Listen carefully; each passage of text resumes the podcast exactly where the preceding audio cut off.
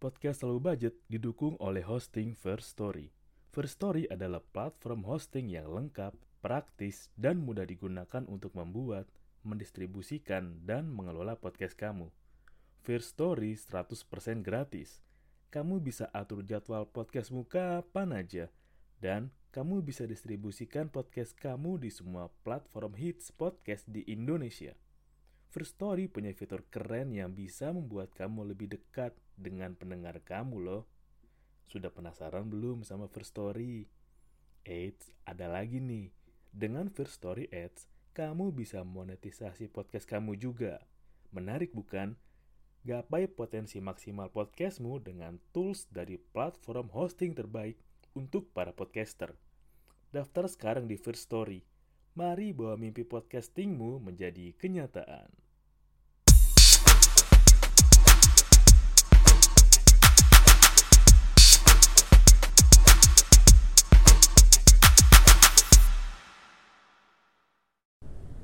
Selamat datang di Siniar Low Budget.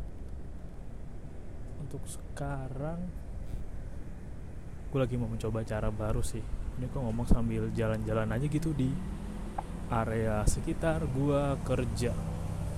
Karena gue pengen ngerasain hal yang beda aja Dan gue pengen kena matahari lebih banyak. Gue bilang kan di episode yang Wah ya hei manusia itu Ya emang kita didesain buat kena matahari Buat yang di negara tropis. Jadi kalau kena AC mulu kiep itu badan. Kiep tau emang agak kiep badan lu kena AC mulu. Kita kedua kena AC mulu aja tuh.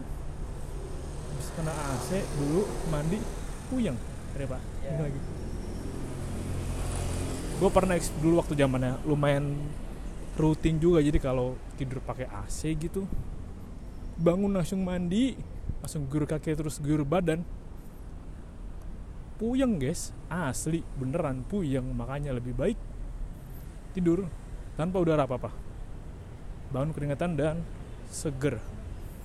Dan gue sambil mau menyendiri juga. Menurut gue menyendiri itu perlu sesekali. Ya atau lu punya ritual menyendiri lah.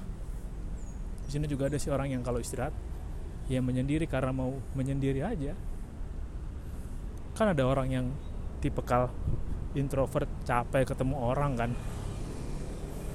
Ya masa orang mau sama terus semuanya? Ya enggak dan beda-beda lah. Buat yang introvert mungkin ketemu orang capek. Buat yang ekstrovert ketemu orang banyak. Malah jadi semangat. Jadi gue tim yang tengah-tengah kali gue ada yang gue tim kena matahari aja dan jalan-jalan dulu aja ke sekitar lagi pula kan tempat gua ini gue bisa ngelihat beer garden beer hall. Ya belum pernah ke sana juga sih gue tapi kayaknya seru juga. Kalau ke sana ya?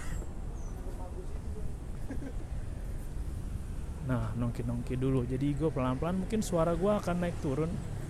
Ya tapi nggak apa apa lah. Gue pernah bilang kan gue juga suka ngeliat orang di pinggir jalan gitu ah ngeliatin orang jalan di perjalanan. Udah gue duduk aja di pinggir jalan deket trotoar terus gue duduk gue ngeliatin sekitaran gue cara gue menyendiri gitu aja. Sambil gue mikirin banyak hal. Dan karena emang di Jakarta Selatan terutama di SCBD itu viewnya bagus banyak hijau-hijaunya ya cukup memberi warna dan memberi ketenangan lah. Kalau lo rindu lihat banyak yang hijau-hijau gitu biasa ngeliat gedung-gedung ya ke daerah Jakarta Selatan masih banyak daerah mana ya? Jakbar gue kurang. Oh Senayan deket. Hutan kota Senayan kan? Bisa nggak juga hijau-hijau dan tuh nih trafiknya nggak begitu macet. Karena kalau menyendiri tuh buat gue lo kayak ngasih waktu buat diri lu sendiri untuk mikir bebas aja mikirin apa yang belum pernah lu pikirin mungkin atau mikirin hal yang gak harusnya lu pikirin. Tapi itu lucu daripada otak gua mikirin otomatis sebelum tidur ya mendingan gua mikir itu siang-siang. Seperti seperti ya kadang gue suka mikir aja. Kalau warna dasar zebra itu hitam mau putih lo kepikiran gak mendasar zebra itu kayak gimana? Gue penasaran masa. Jadi lo kalau ngeliat zebra kan kayak lo Dalmatian tapi lo garis-garis. Tapi lo nggak tahu nih yang hitam duluan apa putih duluan gitu.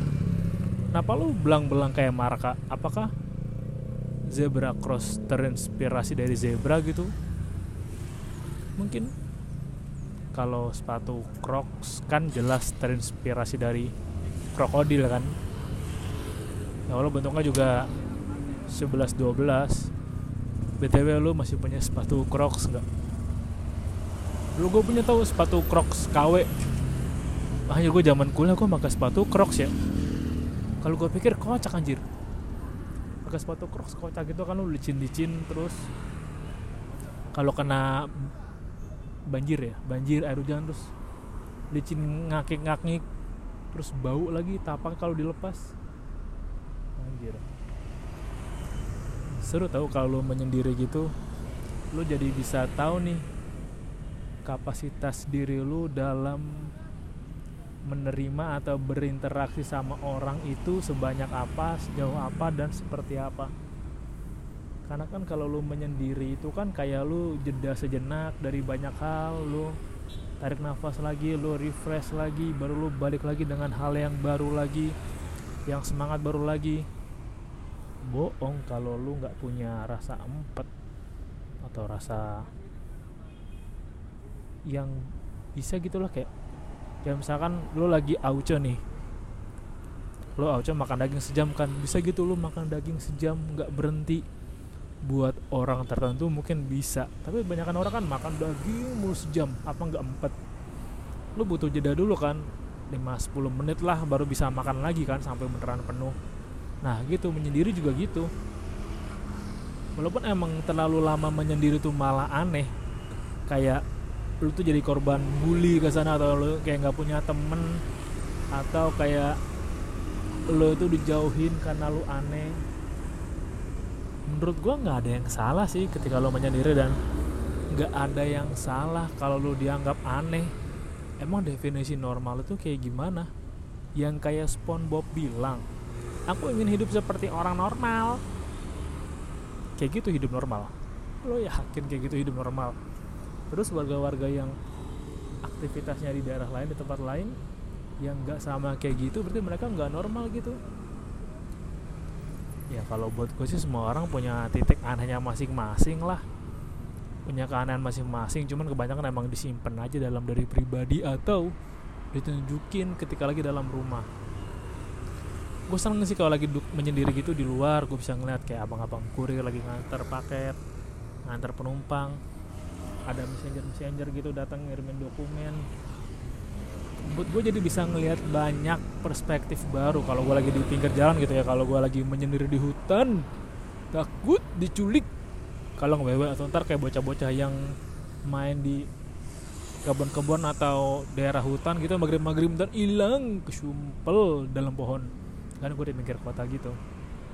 Jadi view-nya masih banyak kendaraan lewat. Tuh ngelihat banyak hal menarik sepertinya kayak gue ngeliat ada abang gojek ngirim-ngirim paket yang barang.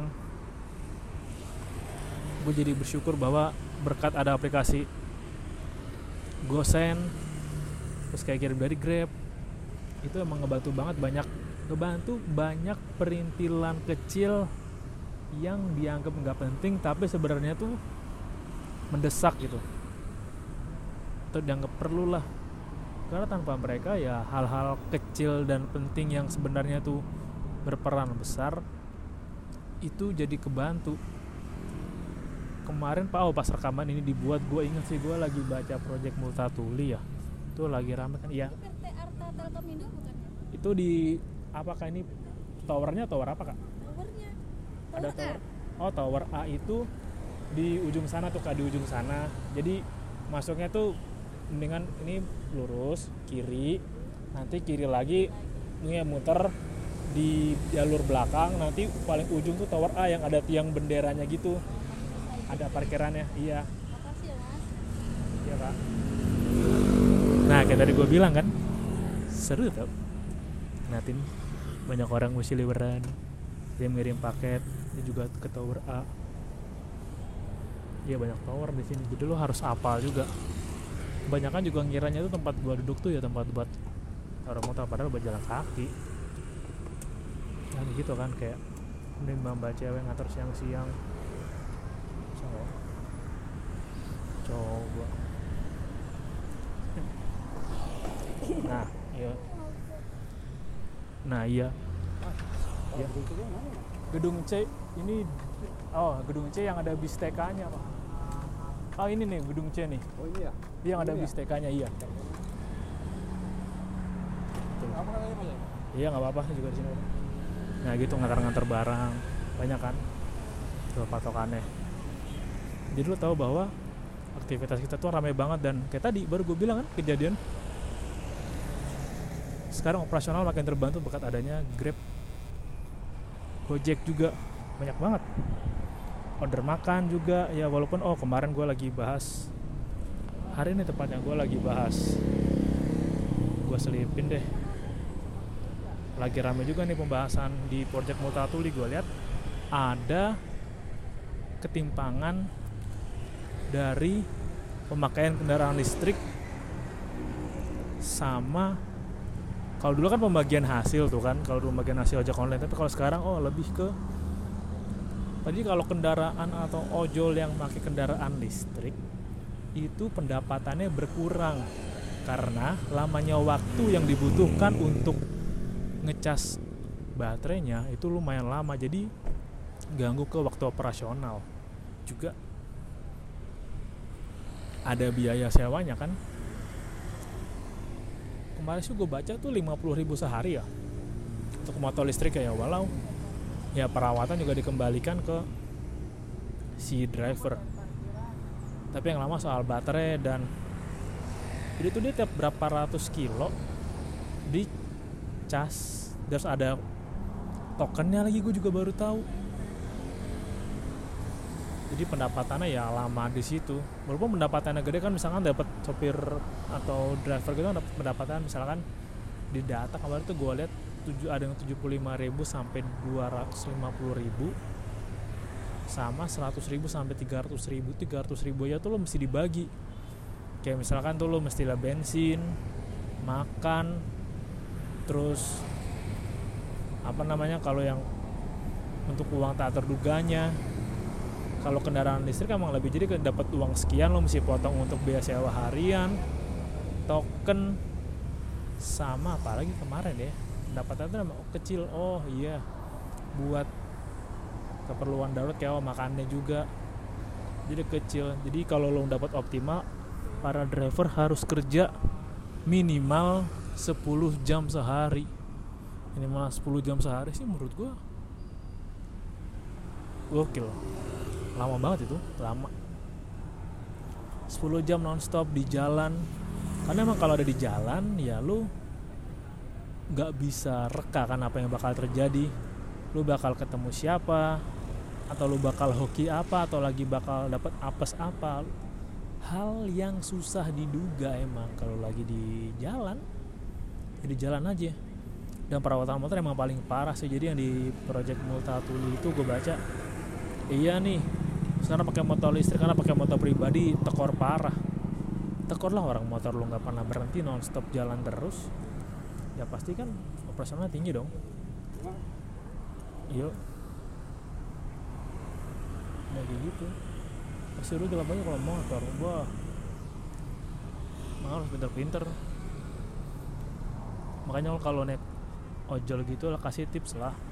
1000 2500 juga nggak apa-apa ngebantu kok. Kecil tapi ngebantu. Bukan yang berpikiran. "Lah, tapi itu kan tips mulu mereka udah untung. Ya berbagi rezeki ya nggak apa-apa emang siapa tahu bakat lo ngasih tips-tips kecil lo bakal dapat imbalan lebih gede karena lo ngebantu kehidupan mereka atau lo bakal dibantu mereka kelak. Yang namanya semesta itu lo nggak akan tahu gitu. Hal-hal baik apa yang bisa terjadi sama lo ketika lo melakukan hal yang nggak pernah lo bayangin sebelumnya. Entah itu hal baik hal buruk atau hal lo bilang kecil atau hal lo bilang besar lah. Ya karena memang ya begitulah kehidupan sambil juga gue perhatiin tuh ben sih lalu lintas di Jakarta Selatan lagi sepi hari ini. Di siangnya sepi tau hari Kamis. Biasanya itu depan gue pasti macet oh gue liat. Wih lucu banget ada abang gojek strapping motornya. Kayaknya tuh Cizuru Cizuru karakter cewek gitu deh lucu banget. Ada taksi lewat juga. Tuh buat abang grab lagi nganter kayak paket koper menyendiri tuh emang bikin lu lebih tenang sih. Bikin lu bisa lebih terkoneksi dengan diri lu sendiri. Lu pernah nggak ngerasain yang namanya skip? Ya yang skip gitu loh skip. Nggak sinkron antara mulut sama apa yang ada di pikiran atau kegiatan. Kayak kemarin itu gua gua nggak tahu skip atau nggak ngeh ya. Gua pakai headset di sebelah kiri. Tapi yang gua aturin gue benerin tuh di sebelah kanan gue anjing gue pakai headset di sebelah kiri. Gue ngotak ngatik di sebelah kanan gue bilang kok kagak berubah-berubah? Lagunya gue pencet. Ih anjing. Sialah pakai salah mencet gue anjir capek banget. Udah dua hari gue skip kayak gitu sih. Dan juga emang ketika lo menyendiri itu lo bisa sinkronisasi lagi lah dengan energi sekitar. Gue lupa nih baca di mana ya tapi lo pasti pernah denger deh. Segala sesuatu benda-benda hidup di sekitar kita kan mengeluarkan energi kan. Energi yang nggak bisa diciptakan nggak bisa dimusnahkan hanya bisa diubah bentuknya. Ya energi itu bervibrasi juga energi tanaman hewan dan malah hidup lain itu juga ya bervibrasi dengan energi kita dan kalau menyendiri lo dekat dengan banyak pohon dekat dengan banyak makhluk hidup. Menurut gue ya lu harusnya bisa beresonansi dan lu bisa dapetin feedback yang baik dari energi yang ada di sekitar lo karena gitu itu menular tau. Sesimpel gini. Ketika lu lagi ketika ada teman lu lagi marah pasti bawaannya kan wah mukanya nyungut terus gerasa gerusuk lah mukanya nyurang mulu gak enak. Pasti lu kerasa hawa negatifnya kayak anjing lu genak banget kalau dilihat. Lu lagi kenapa sih? Anjing lu lagi emosi lu ya. Tenangin diri dulu bego. Gak enak anjir gua ngeliat lu. Nih karena lu lagi emosian anak-anak di sini yang sekitar lagi gak enak jadinya nih. Mau ngobrol segan mau interaksi juga segan lu lihat lagi marah kayak gitu. Contoh kan sih lu pernah juga gitu deh pas lu lagi sekolah gitu ada teman lagi marah terus ya udah akhirnya lo canggung apalagi kalau lagi di kelas rame-rame terus ada yang bentak-bentak marah-marah gitu yang tanya rame tiba-tiba diem.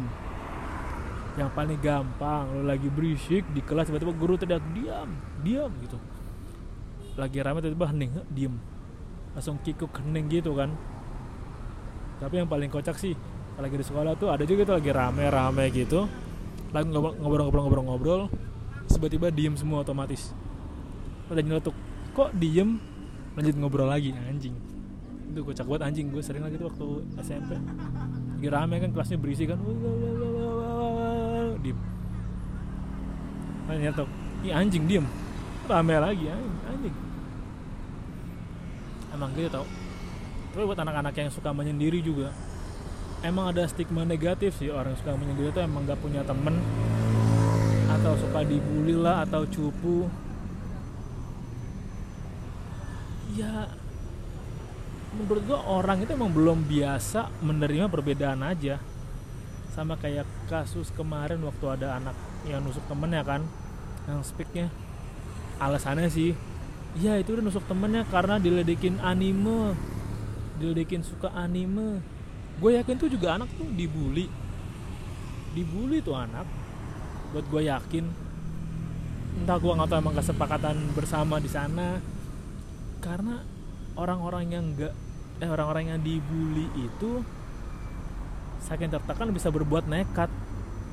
Lu kan nggak tahu rasanya jadi dia yang ah nggak mau sekolah ah males ketemu si ini ah males dipalakin ah males ketemu dia ah males dicengin mulu. Lu nggak pernah ngerasain kan? Paling yang lu rasain aku habis patah hati nih nggak mau sekolah ah males ketemu dia. Nah itu contoh lu bayangin tapi rasanya gitu cuma lu diledekin atau dibully sama beberapa orang atau bahkan satu orang ya rasanya seenggak enak kayak gitu. Dan anak itu harus bertemu dengan rasa nggak enak itu hampir tiap hari. Susah berdamainya anjir kalau emang nggak nggak punya tahanan mental yang kuat dan nggak bisa ngelawan sekuat-kuatnya mental juga kalau digituin terus lama-lama ada kalanya kecelnya dan down juga ada kalanya ada batasnya juga lah. Dan kalau emang anak yang udah dibully udah bener di puncaknya gitu sering diledekin lama-lama juga bisa bales paling speaknya nanti yang yang bisa ditemuin kan ah itu bercanda doang kok nggak ada kayak gitu. Ah itu mah namanya juga kenakalan remaja yang iseng-iseng doang. Emang temannya emang bercandanya kelewatan aja. Sebenarnya nggak apa-apa kok. Hai kucing. Ya kalau ada ya perbaikin benahin. Lagi pula juga gue jadi inget lagunya Escape the Plan yang ungrateful tuh. Jadi kalau ada anak yang ngebully itu lo bisa breakdown juga dia sebenarnya di rumah dibully juga atau enggak di rumah dia dibully juga atau enggak? Orang tuanya ngebully juga atau enggak? Orang tuanya toksik apa enggak? Atau lingkungan sekitar sehat atau enggak? Tuh lo bisa breakdown. Dan kalau emang masih anak-anak harusnya bisa dirubah lah. Tapi kan susah. Ya coba diajak ke psikiater lo coba di hipnosis diperbaikin sikapnya atau diajak wamil. Nanti ketika lebih bertambah lagi usianya Mang wamil itu penting sih. Kapan-kapan gue coba bahas wamil deh dalam perspektif gue gue rasa tuh wamil tuh penting sih. Selain menumbuhkan nilai nasional juga ada pembelajaran penting terutama soal sikap dan menghargai tapi nanti kapan-kapan aja lah. Jam berapa nih? Udah jam oh je satu lewat coy. Cepet juga waktu berlalu. Kayak gitu mau bilang sih lo kalau mau menyendiri yang menyendiri aja udah nggak apa-apa. Nggak usah takut dianggap aneh atau dianggap gak punya teman atau apa ya. Masing-masing orang tuh kapasitasnya beda-beda. Dan ada yang mau menyendiri tuh menyendiri juga bagus buat lo jadi ketenangan buat diri lo sebelum mulai hal baru lagi ya. Emang gitu menyendiri. Ya udah menyendiri aja. Lo bisa lihat sekitar lo lo bisa introspeksi diri atau lo bisa ngobrol sama diri lo sendiri. Banyak manfaatnya lah nggak usah takut dianggap nggak punya teman aneh atau dibully. Jadi ya selagi itu nggak ngerugin orang lain menurut gua sah sah aja dilakuin oke? Sampai jumpa di episode berikutnya. Bye bye